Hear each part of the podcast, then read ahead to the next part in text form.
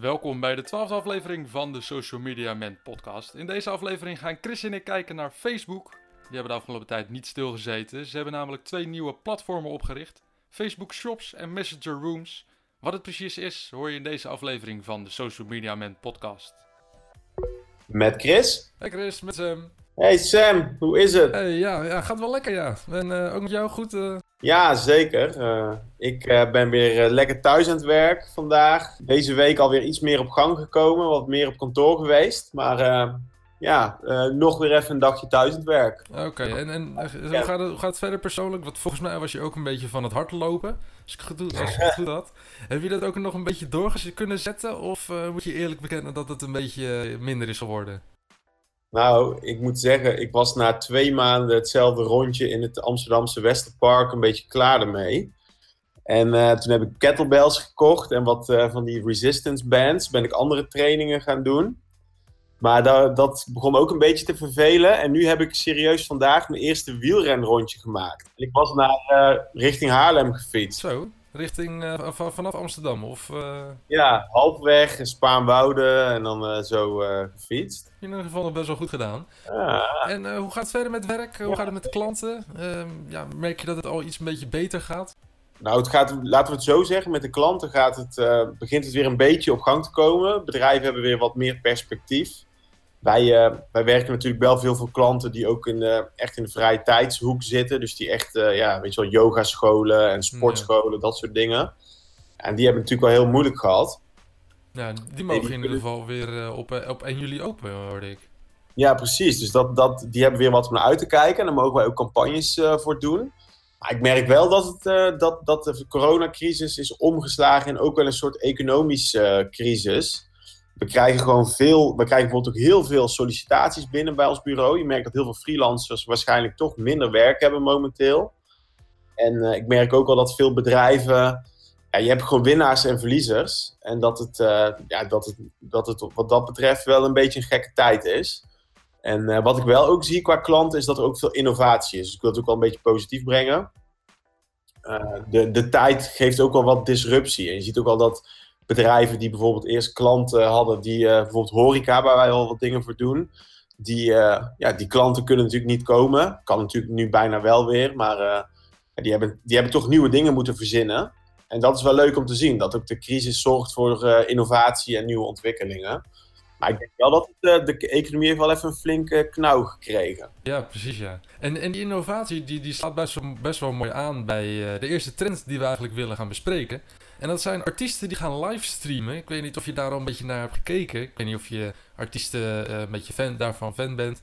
En denkt, nou oké, ik heb al hier en daar wat livestreams van artiesten gezien. Ja, zeker. Ik, ik, ik zit natuurlijk zelf ook al veel op social media. En ik denk dat, net als iedereen die in deze tijd toch wat meer eh, screentime heeft, zie je dat, eh, ja, ik, waar we het over zouden hebben, inderdaad, dat veel artiesten die niet meer kunnen live optreden, zich allemaal gaan begeven op, eh, ja, op allemaal social media platformen. En eh, ik weet niet, heb jij dat ook? Heb jij, heb jij bijvoorbeeld specifiek artiesten die je zegt van, nou, die, dat valt me op dat ze actiever zijn dan normaal?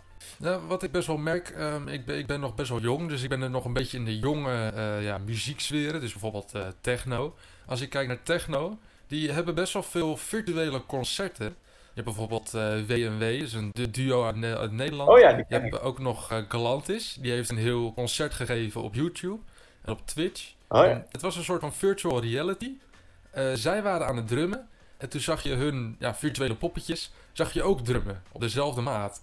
En dat was eigenlijk best wel grappig gedaan. Oh ja. En is het dan ook met echt eh, dat het een soort eh, vast moment is waarop ze, dat wordt gelivestreamd? Dat het echt een soort party is waar iedereen dan virtueel aanwezig is? Of hoe, eh, hoe moet ik dat zien? Eh, nou, ze hadden in ieder geval wel op social media en gewoon op hun site en alles hadden ze wel gemeld van oké, dan en dan gaan we, gaan we live. Ja. Dus er waren nog best wel veel mensen, volgens mij iets van nou, 50.000 of zo. Dus dat is nog best wel veel. Heb jij meegekregen, het is alweer een maand geleden, dat Post Malone een Nirvana-concert had gedaan op YouTube om geld voor corona binnen te halen? Oh echt? Oh, dat had ik niet gezien. En eh, dat vind ik wel ook weer een mooi voorbeeld. Post Malone. En hij, schijnbaar heeft hij ook een hele nieuwe doelgroep erbij. Want al die oude, zeg maar die mensen die nu een jaar of, eh, wat is het, Generation X, die nu 40, 50 Hm. zijn. Die, al de Nirvana-generatie, die ontdekte dat Post Malone dat ook heel goed kon brengen. En hij heeft nu ondertussen bijna 8 miljoen dollar opgehaald met livestream. Dus je kunt YouTube livestreamen en dan kunnen mensen doneren. En uh, Post Malone had dat schijnbaar ook heel goed gedaan. Dus was ook wel een mooi, mooi initiatief. En wat ik ook wel grappig vond, wat ik, uh, wat ik las in een artikel, dat eigenlijk heel veel influencers en artiesten die, die normaal, ja, die hebben eigenlijk gewoon minder te doen, omdat ze gewoon niet kunnen live optreden, zich hun creativiteit in één keer gebruiken om bijvoorbeeld hele gekke TikToks te maken. Uh, dus dat, dat je ook ziet dat eigenlijk alles zich naar een achter een schermpje aan het verplaatsen is. Ja, en TikTok, dat, dat stijgt als een malle, hè? Dat is echt... Uh... Ja, zeker. Zit jij veel op TikTok zelf of niet? Ja, ik moet eerlijk zeggen, ik ben niet echt uh, ja, de doelgroep van TikTok, laat ik het, laat ik het zo zeggen. Maar uh, ik zie steeds vaker TikToks waarvan ik denk, nou oké, okay, die, die zijn wel grappig. Die, die zijn wel, uh, die was leuk in elkaar gemaakt. Maar um, ja, aan de andere kant denk ik toch wel van, ja, ik, ik, ik zou er nooit echt eentje gaan maken, laat ik het zo zeggen. Oh ja. Wie weet, jongen, dat zeiden ze vroeger ook van met Instagram. Ja, dat, dat ga ik niet doen. En uh, later zat iedereen erop. Wat ik wel hoorde, dus met dat TikTok, en dat vind ik zelf dan ook wel weer grappig hoe dat werkt. Ik las een artikel over de winnaars en verliezers in de social of in de coronacrisis. En het ging dan over social media platformen. En toen kwam TikTok zwaar als winnaar uit de bus. En dat blijkt dus te zijn omdat al de gezinnen allemaal in quarantaine zaten natuurlijk. Dus iedereen zit op elkaars lip. En al die mensen zien dat al die, die, die jonge tienermeiden allemaal TikTok zitten te maken. En dat ouderen dachten, hé, hey, dat is eigenlijk wel grappig dat TikTok nu een hele erge stijging heeft in gebruikers boven de 30. Ja, ik vind dat wel bijzonder. Dus ik ben wel benieuwd hoe zich dat dan weer de komende maanden gaat ontwikkelen. Ja, ik denk dat TikTok wel echt gewoon ja, nog meer gaat groeien. Ik denk dat echt op een gegeven moment Kijk, wat in Azië waren ze al groot. Toen ging naar de Verenigde Staten. Nu is het in Europa. Ja. Dus het is wel echt. Uh, het begint wel echt heel groot te worden. Ja, bizar hè. Groter dan uh, Snapchat en Twitter samen. Ja, dat is normaal. Echt. En trouwens, over Twitter gesproken. Ik, ik, ik las iets over Trump. We weten natuurlijk allemaal dat hij wel iets met Twitter doet. Maar um, nu wil hij iets negatiefs doen met Twitter. Ik weet niet of jij daar iets over hebt gelezen. Maar... Ja, hij, hij was boos. Hè? Hij had een tweet ja. geschreven. En uh, Twitter had uh, een fact-check eronder gezet. Van uh, ja, Trumpy, het klopt niet wat je zegt. En nu is ja. hij boos. Nu is hij inderdaad boos. Het, het, het, zeg maar, het kanaal wat hij altijd ge heeft gebruikt, wil hij nu ja, misschien wel gaan verwijderen. Wat wel grappig is, is dat Trump, en laat ik alweer zien hoe hij in elkaar zit, dat als het hem dan zelf raakt, hij zijn macht eigenlijk gebruikt als president om dan zijn eigen, voor zijn eigen gewin. Want hij vindt het natuurlijk irritant dat Twitter hem nu tegenwerkt. En dan gaat hij eigenlijk zijn macht een soort van misbruiken. Ja. Ik denk dat die social media netwerken natuurlijk al bang zijn, want die hebben er alles aan gedaan om niet gereguleerd te worden. En als dat nu gaat gebeuren, dan uh, ja, dat zal wel weer invloed hebben. Hoewel ik ook wel vind dat Trump ergens wel gelijk heeft hoor. Want kijk, weet je wat je hebt met, die, met Facebook, met die fact-checkers? Bijvoorbeeld op Facebook mag je niet zeggen dat bijvoorbeeld bepaalde dingen, dat corona bijvoorbeeld uh, fake, of ja, corona is natuurlijk niet fake, maar dat bepaalde dingen niet werken. Alleen wie, wie zegt dat dat dan, wie bepaalt wat de waarheid is? dat is een beetje een, een, een, moeilijke discussie, denk ik. Ja, dat is vooral in deze tijd dat er zoveel informatie en zoveel, zoveel verschillende invalshoeken zijn, wordt het inderdaad ook als, als, um, als social media kanaal, is dat erg lastig. Ja, en ook wanneer is het waar? En uh, ben jij als, als platform wel degene die die scheid, scheidsrechter kan zijn? Daar zit wel veel, uh, veel ruis volgens mij, nog veel onduidelijkheid. Maar, uh, maar goed, ja, het is wel, wel interessant ook alweer om te volgen. Maar wat je zei, ja, Trump die, die is er in ieder geval mee bezig om, om daar iets mee te doen. Ik ben benieuwd hoe dat ook, ook zich verder gaat ontwikkelen. Ik heb eigenlijk weer iets, iets nieuws gevonden. Dat heet Messenger Rooms. Ik weet niet of je daar ook al een beetje wat over hebt, over hebt gezien, Chris. Jazeker. Ik heb zelfs gisteren onze eerste teammeeting in Messenger Rooms laten, laten plaatsvinden. Dus... Oké, okay, dit is in ieder geval dat je, dat je kamers kan toevoegen, waar je mensen kan toevoegen. En um, in zo'n kamer kunnen maximaal 50 mensen. En ik denk dat Facebook daar een hele goede slag mee slaat. Want andere ja, platformen, die kunnen misschien eenmaal, ja, maximaal 4 mensen maximaal 20 mensen. Maar Facebook zorgt er gewoon voor dat je met maximaal 50 mensen in zo'n kamer kan. En uh, Chris, uh, jij hebt het dus al een keer gebruikt. Bevalt het een beetje?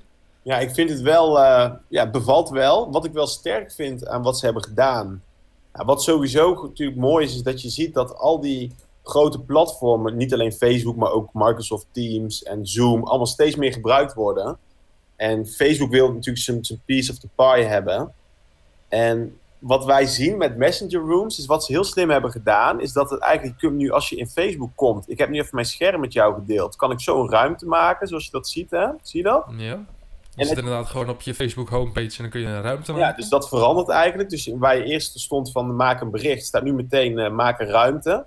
En dan kun je zeg maar, uh, ja, kun je zeggen we gaan een happy hour doen en dan kun je mensen uitnodigen. En wat handig is, je kunt zeggen van nou vrijdag om vijf uur creëer ik mijn room.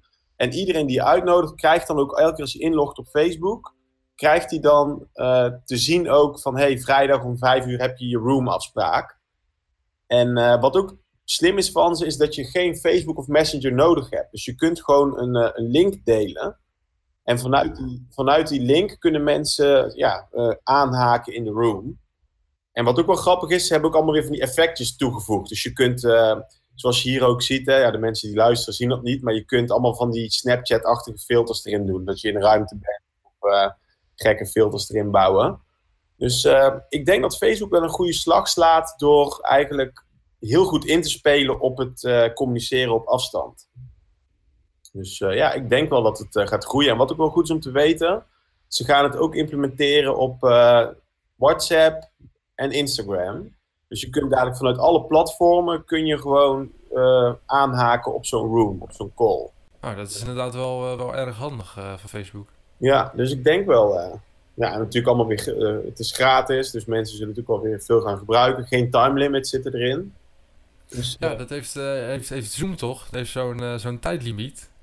Ja, dat klopt, ja. Dat is 50 minuten of zo. Dus met, soms heb je een vergadering en dan in één keer wordt iedereen eruit ja. gegooid.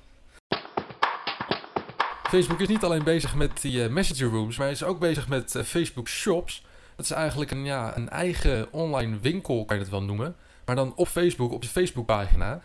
Um, ja, Chris, wat, wat weet jij daarvan? Nou, ik, uh, wat ik ervan weet, mensen die het interessant vinden, je kunt ook even naar de Facebookpagina van Mark Zuckerberg. Die heeft echt een video van volgens mij bijna een half uur over gedeeld.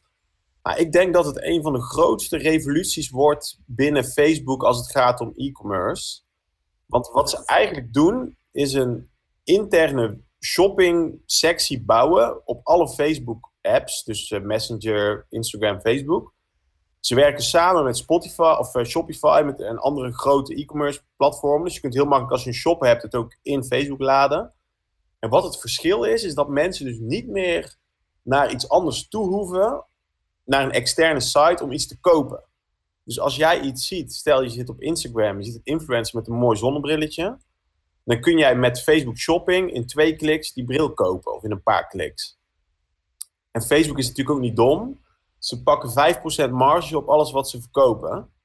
Dus uh, dat is ook wel slim bedacht van ze. Dus ze zullen ook wel weer lekker veel geld ermee gaan verdienen.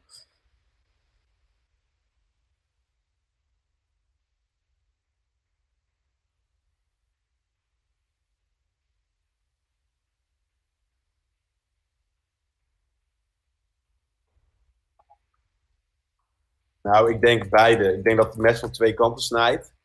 Maar uh, ik denk dat ze, dat ze aan de ene kant die bedrijven gaan helpen, maar dat ze nog meer macht naar zich toe weten te trekken. Kijk, als, als dit succesvol is, dan hoef je niet eens meer een webshop te hebben. Dan kun je gewoon alles binnen de social media apps van Facebook doen. Dus communiceren, maar ook uh, dingen verkopen. Ja, Facebook is natuurlijk zo'n zo gigant qua technologie. En als je die video van Mark Zuckerberg ook kijkt, dat hij vertelt wat ze allemaal gaan doen, is dat echt bizar. Wat ik echt een mooi voorbeeld vond, en waar, waarvan ik ook denk dat Facebook zich echt gaat onderscheiden, is dat ze met artificial intelligence gaan ze zorgen dat als jij een product ziet in de feed, dus jij ziet bijvoorbeeld een influencer of een vriend zelfs met een bepaald shirtje, dan kan dat algoritme van Facebook dat shirtje herkennen en meteen zeggen: hey, dit shirtje kun je daar kopen. Dus dan heb je eigenlijk een soort visuele search. Dus dan kun je eigenlijk de influencer marketing ook meteen koppelen aan verkoop. En dat is natuurlijk wel wel bizar. Nou, wat ik eigenlijk ook wel heb gezien is dat, um, ja, dat, dat tijdens livestreams ook uh, ja, eigenlijk reclame wordt gemaakt voor producten. En dat zijn dan niet bijvoorbeeld reclames zoals bij tv. Dus dat je bijvoorbeeld lekker tv zit te kijken. En dat er dan een reclame komt van een minuut of zo. Maar ehm, tijdens de livestreams worden eigenlijk ja, pop-upjes uh, laten zien. Met daar producten in en de prijs. En ook meteen een link dat je erop kan klikken. Uh, over bijvoorbeeld een product dat in, tijdens de livestream wordt, uh, wordt gebruikt. En ja, ik, ik weet niet hoe, je, hoe jij daar tegenover kijkt. Maar ik vind het in ieder geval een hele goede manier van marketing. Ja joh, ik denk echt dat dit weer een goede stap is. Waarin, kijk, Facebook heeft best vaak zeg je dat, commentaar gehad van het is wel een mooi kanaal voor branding, maar niet echt voor conversie, voor verkoop. En door dit soort tooltjes te bouwen, gaat Facebook natuurlijk veel meer nog die kant op dat je ook via zo'n platform heel makkelijk dingen gaat kopen. En uh, ja, ik denk dat het wel veel gaat brengen. En wat ook wel grappig is, de, de, de Facebook-aandelen, de koers steeg meteen met, weet ik veel, met 5% of zo toen Zuckerberg dit bekend maakte. Dus heel veel beleggers en aandeelhouders die zien er ook al wat in. Ja, voor wat voor bedrijven is het eigenlijk handig? Is het voor een groot bedrijf handig of ook gewoon voor een klein bedrijf, zoals een ZZP'er bijvoorbeeld? Ja, volgens mij willen ze het echt branden als dat het juist voor de kleine bedrijven is. Mark Zuckerberg zei ook, we doen dit echt voor de bedrijven die nu moeilijk, het moeilijk hebben en hun klanten niet meer kunnen krijgen. E-commerce is voor hun belangrijk, alleen ze hebben niet altijd de geld en eh, de middelen om zelf goede shops te bouwen. En het werkt ook met een soort template systeempje. Dus hij zegt voor kleine bedrijven, maar ik denk uiteindelijk dat grote bedrijven dit ook gaan doen als het uh, blijkt te werken. En zou je dit ook voor klanten die bijvoorbeeld waarvoor je nu werkt, zou je dat dan ook aanraden om dit te gebruiken? Ja, ze, ja, kijk, ik weet natuurlijk nog niet, want het wordt deze zomer uitgerold, nog niet hoe het echt gaat zijn. Maar ik denk dat je het zeker moet proberen. Ja, je kunt gewoon gebruik maken van je traffic op Facebook. Bijvoorbeeld wij werken ook voor restaurants. En stel, jij kunt heel makkelijk uh, online reserveringen via Facebook Shops uh, genereren. Of jij kunt uh, barbecue pakketjes verkopen. Ik denk dat, ja, ik zou het zeker proberen. Alleen je, je bent wel dus een paar procent marge aan Facebook kwijt. Dus eigenlijk zie je wat, wat, wat thuisbezorgen bijvoorbeeld ook doet. Dat ze zoveel procent van je omzet pakken. Dat gaat Facebook dadelijk ook doen. Ja, dus, precies. dus, uh, maar goed, ik denk dat als het, als het uh, verkoop oplevert, moet je het zeker proberen. En Chris, hoe zie je de rest van het, van het jaar eigenlijk voor je? Ja, als we kijken naar de, de ontwikkelingen, dan het is wel onduidelijk. Ik denk dat iedere week nog anders is. Hè? Het is toch echt een soort van crisistijd. Maar ik zie wel een paar dingen die echt veranderen. Ik denk dat dat voor heel veel bedrijven digital marketing nog belangrijker wordt. Omdat er gewoon minder traffic op straat is en mensen spenderen nog meer tijd op social. Dus ik denk dat, we, dat wij in, in, in de marketinghoek, digital marketing, het nogal druk gaan krijgen. En ik denk dat bijvoorbeeld ook qua werk, dat mensen thuis blijven werken. Wij denken ook uh, zelf erover na om niet, zeg maar, zoals het was, heel veel op kantoor te zijn, maar toch in iets mindere mate. Je hebt zelfs bedrijven die hun hele kantoor hebben opgezegd. En uh, ik ben gewoon benieuwd hoe de economie verder gaat. Ik hoop dat, het, uh, dat we snel weer een beetje de draad kunnen oppakken. En dat, dat het niet te veel schade oplevert allemaal. Maar ik denk dat dit zijn wel interessante tijden. Er gaat wel, denk een soort disruptie zijn in hoe we alles aanpakken. Dus ik vind het ook wel weer interessant. En uh, ik ben benieuwd. Ja, nou, we gaan het in ieder geval in, in de gaten houden. Ja, zeker.